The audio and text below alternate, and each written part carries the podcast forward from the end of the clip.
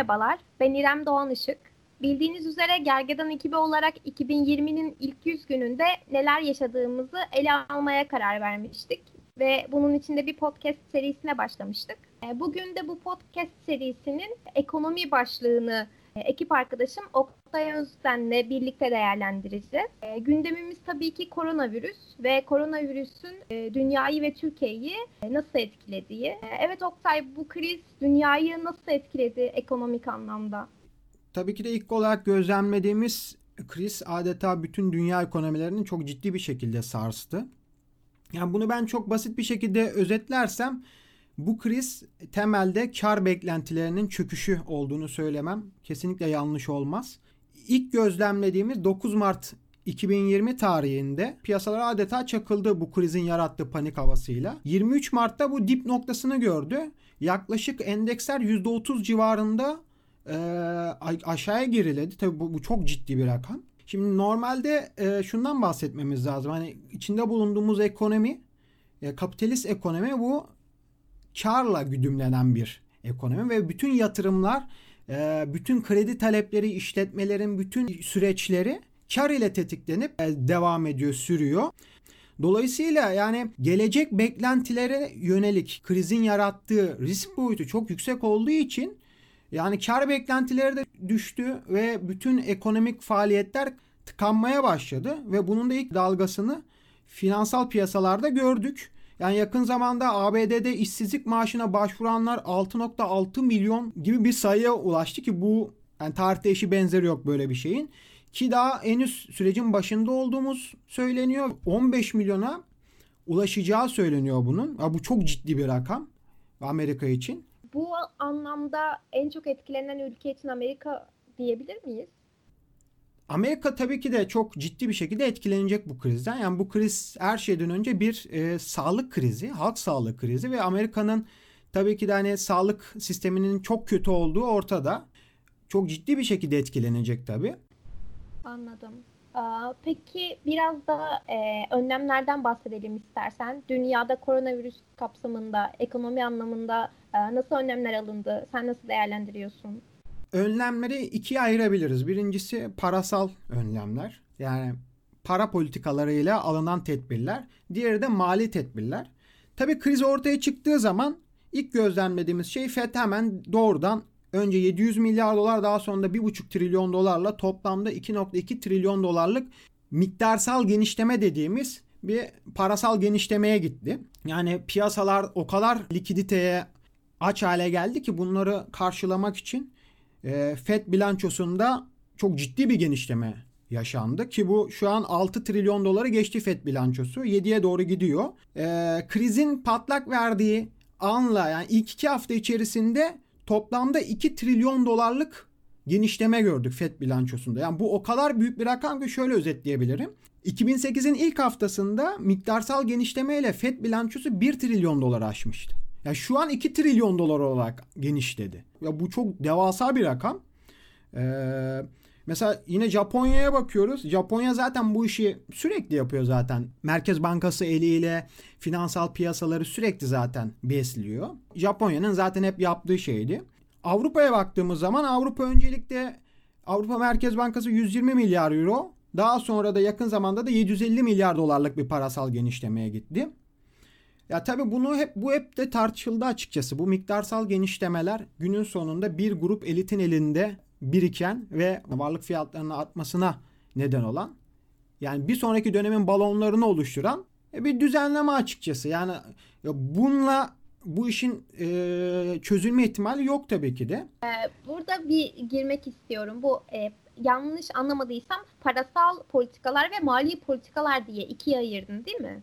Evet o zaman böyle bana birazcık şey gibi geldi. Bu parasal politikalar biraz daha sermaye odaklı önlemleri içerirken, gerçi mali politikalara daha geçmedin ama sanki mali politikalar biraz daha halk kitlelerinin, hane halklarının, emekçinin e, odağında e, politikaları oluşturuyor galiba.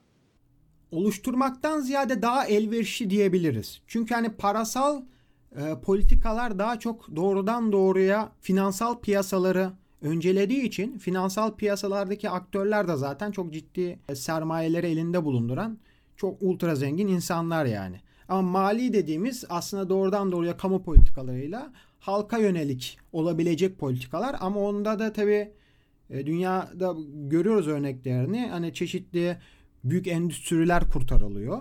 Yani orada da hani tam anlamıyla halk özelinde bir şey yapıldığını söylemek de çok tartışmalı tabii. İstersen birkaç örneğine bakalım. Amerika özelinde Mart'ın son haftasında açıklandı mali paket. 2.2 e, trilyon dolar civarındaki stimulus yani teşvik paketi açıklanan pakete baktığımız zaman işte e, yetişkin her Amerikalıya 1200 dolar, her çocuk için 500 dolarlık bir şeyden bahsediliyor. Vatandaşlık geliri tarzı bir e, harcama desteğinden bahsediliyor. Yani bu teşvik paketi aynı zamanda endüstrilere 500 milyar dolarlık bir yardım içeriyor. Hastaneye, sağlık sistemine 100 milyar dolar. Hava yolları zaten direkt kurtarıldı. 58 milyar dolarlık bir kısım oraya ayrılmış. Ve eyaletlere ve yerel yönetimlerde 150 milyar dolarlık bir yardım yine bunun içerisinde bulunuyor. Yani anladığımız kadarıyla Amerika'dan gelen haberler doğrultusunda pek yeterli olacağı düşünülmüyor. Yani bunun muhtemelen devamı gelecek. Avrupa'da ise 540 milyar euroluk bir teşvik paketi gündemde. Aynı zamanda korona bon, bonolar yine gündeme geldi. Avrupa ülkeleri içerisindeki 19 farklı ülkenin borçlarını çevirebilmesi için kısa dönemde 240 milyar euro civarı bir kredi ihtiyacı var. Ya bunun işte korona bono, bono diye yeni bir e, finansal araçla sağlanılması gündemde. Çeşitli tartışmalar sürüyor. Yani özetle aslında dünya genelinde yani parasal genişlemeler işte bu işte miktarsal genişleme dediğimiz yöntemlerle çeşitli finansal piyasalarda duyulan likidite açlığını dindirmeye yönelik yöntemler. Tabi bunun karşında da mesela gördük yani kısmen bir iyileşme gibi yani %15 civarında bir e, düzelme görüldü endekslerde ama hala çok ciddi bir şekilde risk devam ediyor. Yani yarın ne olacağı hiç belli değil. Teşvik paketleri ise yeni yeni öne çıkmaya başladı ama son derece yetersiz olduğunu söylemek mümkün yani. Çünkü işsizlik inanılmaz bir boyuta doğru evrilmeye başladı bütün dünyada. Ki bu 1929 krizinin de çok çok ötesinde gözüküyor. E, sence biz bu krizi kapitalizmin e, kendi önerdiği e, çözüm yollarıyla e, aşabilir miyiz? Ya bu e, parasal genişlemeden vesaireden bahsettin ama e, kapitalizmi krizini yine kapitalizmle çözebilecek miyiz bu kez de? Şöyle yani kapitalizm içerisinde bazı araçlarla krizi çözmekten ziyade ötelersiniz. Krizi sürekli ötelediğiniz için bir sonraki dönemde ortaya çıkan kriz daha yıkıcı hale alıyor. Yani şu an mesela parasal genişlemeler ile e, yaptığınız müdahaleler dünyadaki bir kere borç enflasyonu dediğimiz borçluluk düzeyini inanılmaz bir şekilde artıyor. Yani paranın zaten bu şekilde piyasaya enjekte edilmesi demek. Yani bunun muhasebede karşılığı yükümlülük. Yani borçtur aynı zamanda. Yani bu likiditeyi alanlar borç olarak bunu alıyor. Yani bu araçlar ile ötelenebilir ama nereye kadar gidebilir? Tabii onu bilemiyorum açıkçası yani. O biraz daha şey olur. Medyumluk olur. Bir şey söylemem. E, Türkiye'deki duruma bakalım istersen. E, bu krizin Türkiye'ye yansıması nasıl oldu? Şimdi öncelikle e, yakın zamanda açıklanan tedbirlerle biliyoruz ki 150 bin civarı işletme doğrudan kapandı. Ve bunun hani diğer işletmelere, çevre işletmelere de etkisiyle halkın tabi sokağa çıkma ve iktisadi faaliyetini kısıtlamasının artmasıyla birlikte bu sayının çok çok daha arttığını biliyoruz. İşsizlik rakamları yine çok artıyor. Yani sen yani sen de muhtemelen görüyorsundur çevrende. Yani çok ciddi bir şekilde insanlar işlerini kaybetmeye başladı ve gelirsiz kalıyorlar. Ya bu krizin ya Türkiye'deki boyu ya çok derin. Bir kere her şeyden önce bir toplumsal bedeli çok yüksek yani. Yani insanların işsiz kalması, gelirlerini kaybetmesi ve bu işsizlik hani sıradan zaten Türkiye çok ciddi bir işsizlikle boğuşan bir ülke. Yani bu işsizliğin boyutu daha da daha da artmış halde yani %30 civarında bulunacağı söyleniyor e, işsizlikte. Yoksulluk bir taraftan daha çok derinleşiyor ki böyle bir süreçler içerisinde boşluk daha da artar. E, tabii çok ağır bir şekilde bu süreci yaşıyoruz ve baktığımız zaman da e, ekonomi yönetiminden hala yani %5 büyüme hedefinin 2020'de devam ettiğini 50 milyar dolarlık filan e, turizm gelirinden filan bahsediyorlar ki bunlar pek açıkçası pek mümkün değil. Yakın zamanda da bilirsin 100 milyar TL'lik bir paket açıklandı. Yani bu paketin açıkçası doğrudan doğruya bir sermaye yanlı bir paket olduğunu gördük içeriği. Yani halka buradan pek bir şey çıkmamış, e, ayırmamışlar. Paketteki enstrümanlara baktığımız zaman daha çok alacakların iptali. Yani net bir nakit desteğinden ziyade devletin işte çeşitli kurumlardan alacakları var. Bunları öteliyor veya iptal ediyor kısmen ama çoğunu öteliyor. Peki ötelediğin zaman ne olacak bu iş? Mesela şu an zaten iktisadi faaliyetler çok ciddi bir şekilde tıkandı. Dolayısıyla bu paket pek e, yeterli olacağı gözükmüyor. Olmayacak zaten. Ki yakın zamanda yine kısa çalışma ödeneği diye bir şey açıklandı. Duymuşsundur. Bunda da şöyle bir nokta var. Yani normalde siz herhangi birisi işsiz kaldığı zaman işsizlik maaşına başvurunca 10 aylık bir işsizlik maaşı alabiliyor. Siz şu an kısa çalışma ödeneğine başvurduğunuz zaman bu kabul edilirse o çalışan için kabul edilen çalışan için T artı bir zamanında yani yarın var olan olası bir işsizliğindeki alacağı 10 aylık işsizlik maaşı 7 aya düşüyor. İşsizlik fonundan da ciddi bir ödenek de e, ayrılmamış halde ki o fonun da artık birazdan herhalde nasıl harcandığını falan da konuşuruz. Oralara da girebiliriz.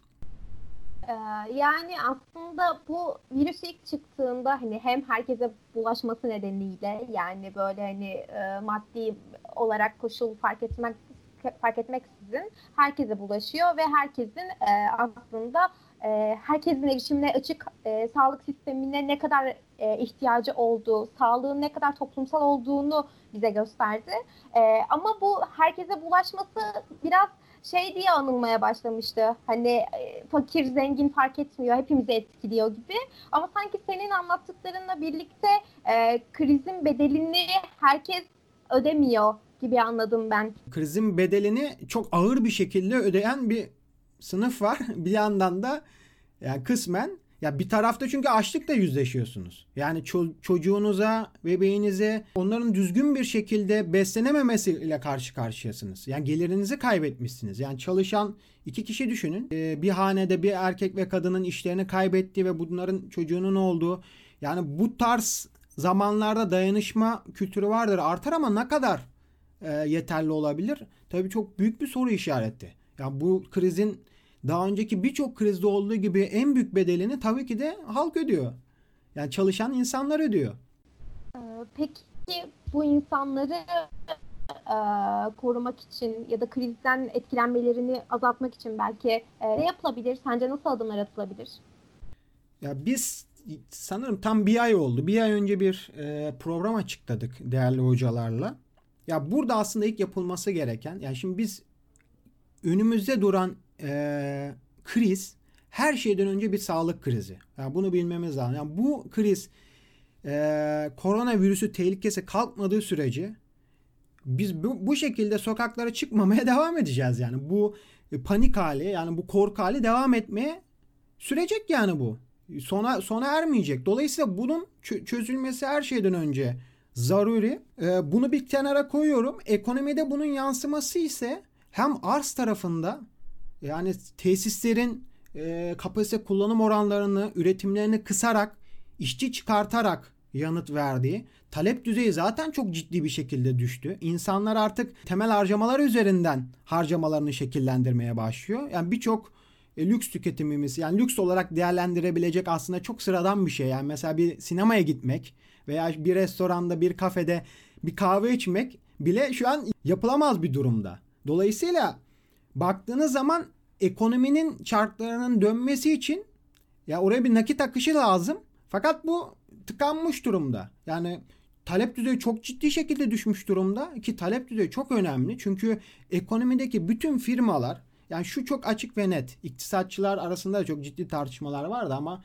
ya bunun açık ve net olduğunu düşünüyorum ben. Bütün firmalar üretimlerini satmak için yapıyor. Yani bu çok açık. Dolayısıyla satmak ve kar elde etmek için yapıyor. Yani dolayısıyla yarınki üretimleri için gerekli olan yatırımları da beklentilerine göre yapıyor. Yani şu an talep düzeyi bu şekilde düşmüşken, ekonomiye para akışı bu şekilde tıkanmışken işçi çıkarmamaları ma- mantıklı değil. Çünkü bu firmaların varlığı kar elde etmek. Yani üretimlerini satmak için yapmak. Yani şimdi böyle bir durumda insanların kitlesel bir şekilde işlerini, gelirlerini kaybettiği bir durumda siz bu insanları görmezden gelerek bu insanların e, bu insanları bütün o mali paketlerde ciddi bir şekilde destek vermeyerek bu insanlara bu krizi aşmanız mümkün değil. Yani yapılması gereken bence biz bu öneriyi daha önceden de yaptık. Yani 100 milyar TL civarında hazinenin doğrudan Merkez Bankası'ndan sıfır faiz sonsuz ödemeyle borçlanması. Ya bu parayla da işte şu an yani 10 milyon civarı bir haneden bahsediliyor. Bütün bu süreç içerisinde bir ihtiyaç sahibi gerçekten gelirini tamamen kaybetmiş bir gruptan bahsediyoruz. Bunlara doğrudan bu para aktarılabilir. 3 ay boyunca yani yaklaşık 2000 aylık 2500-3000 lira arası bir ödeme sağlanılabilir.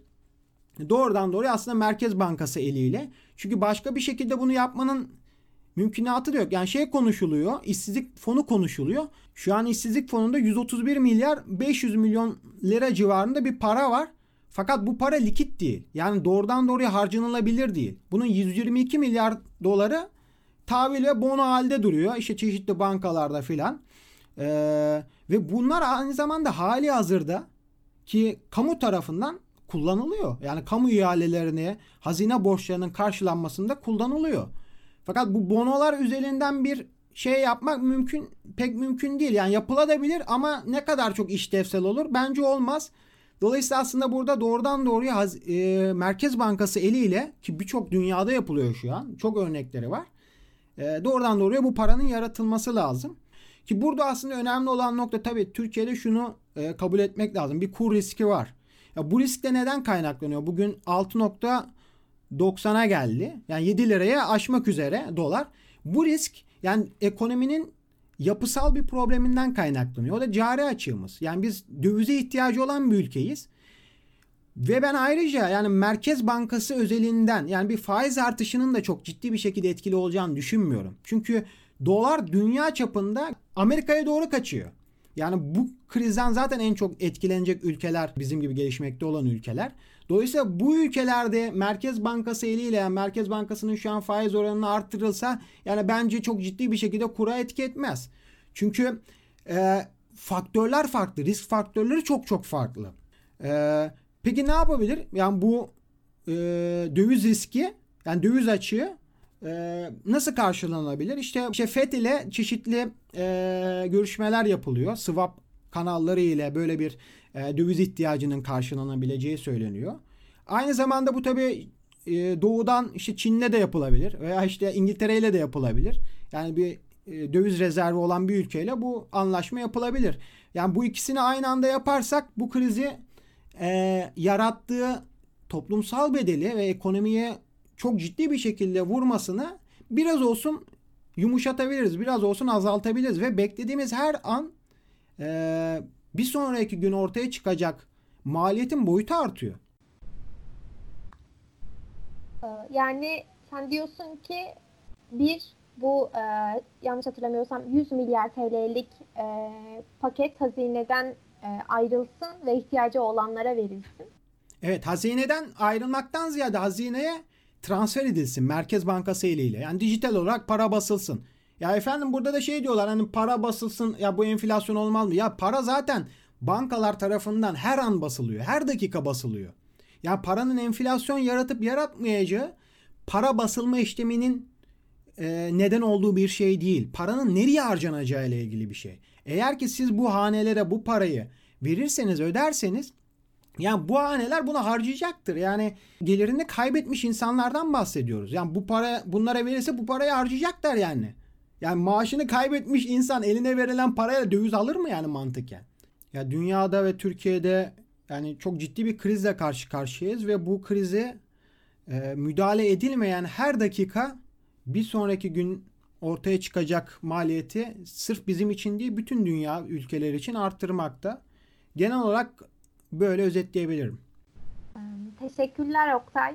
Ee, bugün hem e, dünya hem Türkiye koronavirüs krizinden nasıl etkilendi e, bunu e, değerlendirdik. Daha doğrusu Oktay Özden değerlendirdi, ben sordum. Başka bir podcast'te görüşmek üzere.